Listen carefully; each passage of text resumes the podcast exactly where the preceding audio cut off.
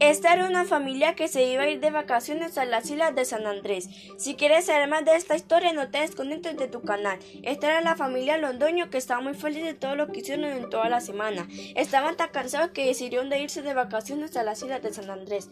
Todos estaban de acuerdo cuando se encontraban en la playa y vieron a un ladrón rebatándole el bolso a una señora. Ellos llamaron a la policía. La policía llegó y atrapó al ladrón a tiempo. Muchas gracias. Estoy muy agradecida con ustedes. Los voy a invitar a un buen restaurante.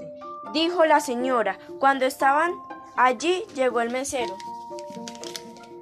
Muy buenas tardes. Les traigo la carta. ¿Qué desean pedir? Y ellos ordenaron lo siguiente, tres quintos de camarones, tres medios de marisco, dos, dos, cestos de pulpo y de postre un medio de ceviche de camarones.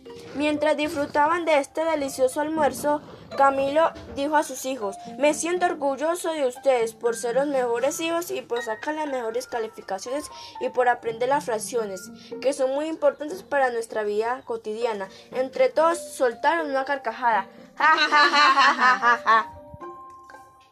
Y se dieron un fuerte aplauso.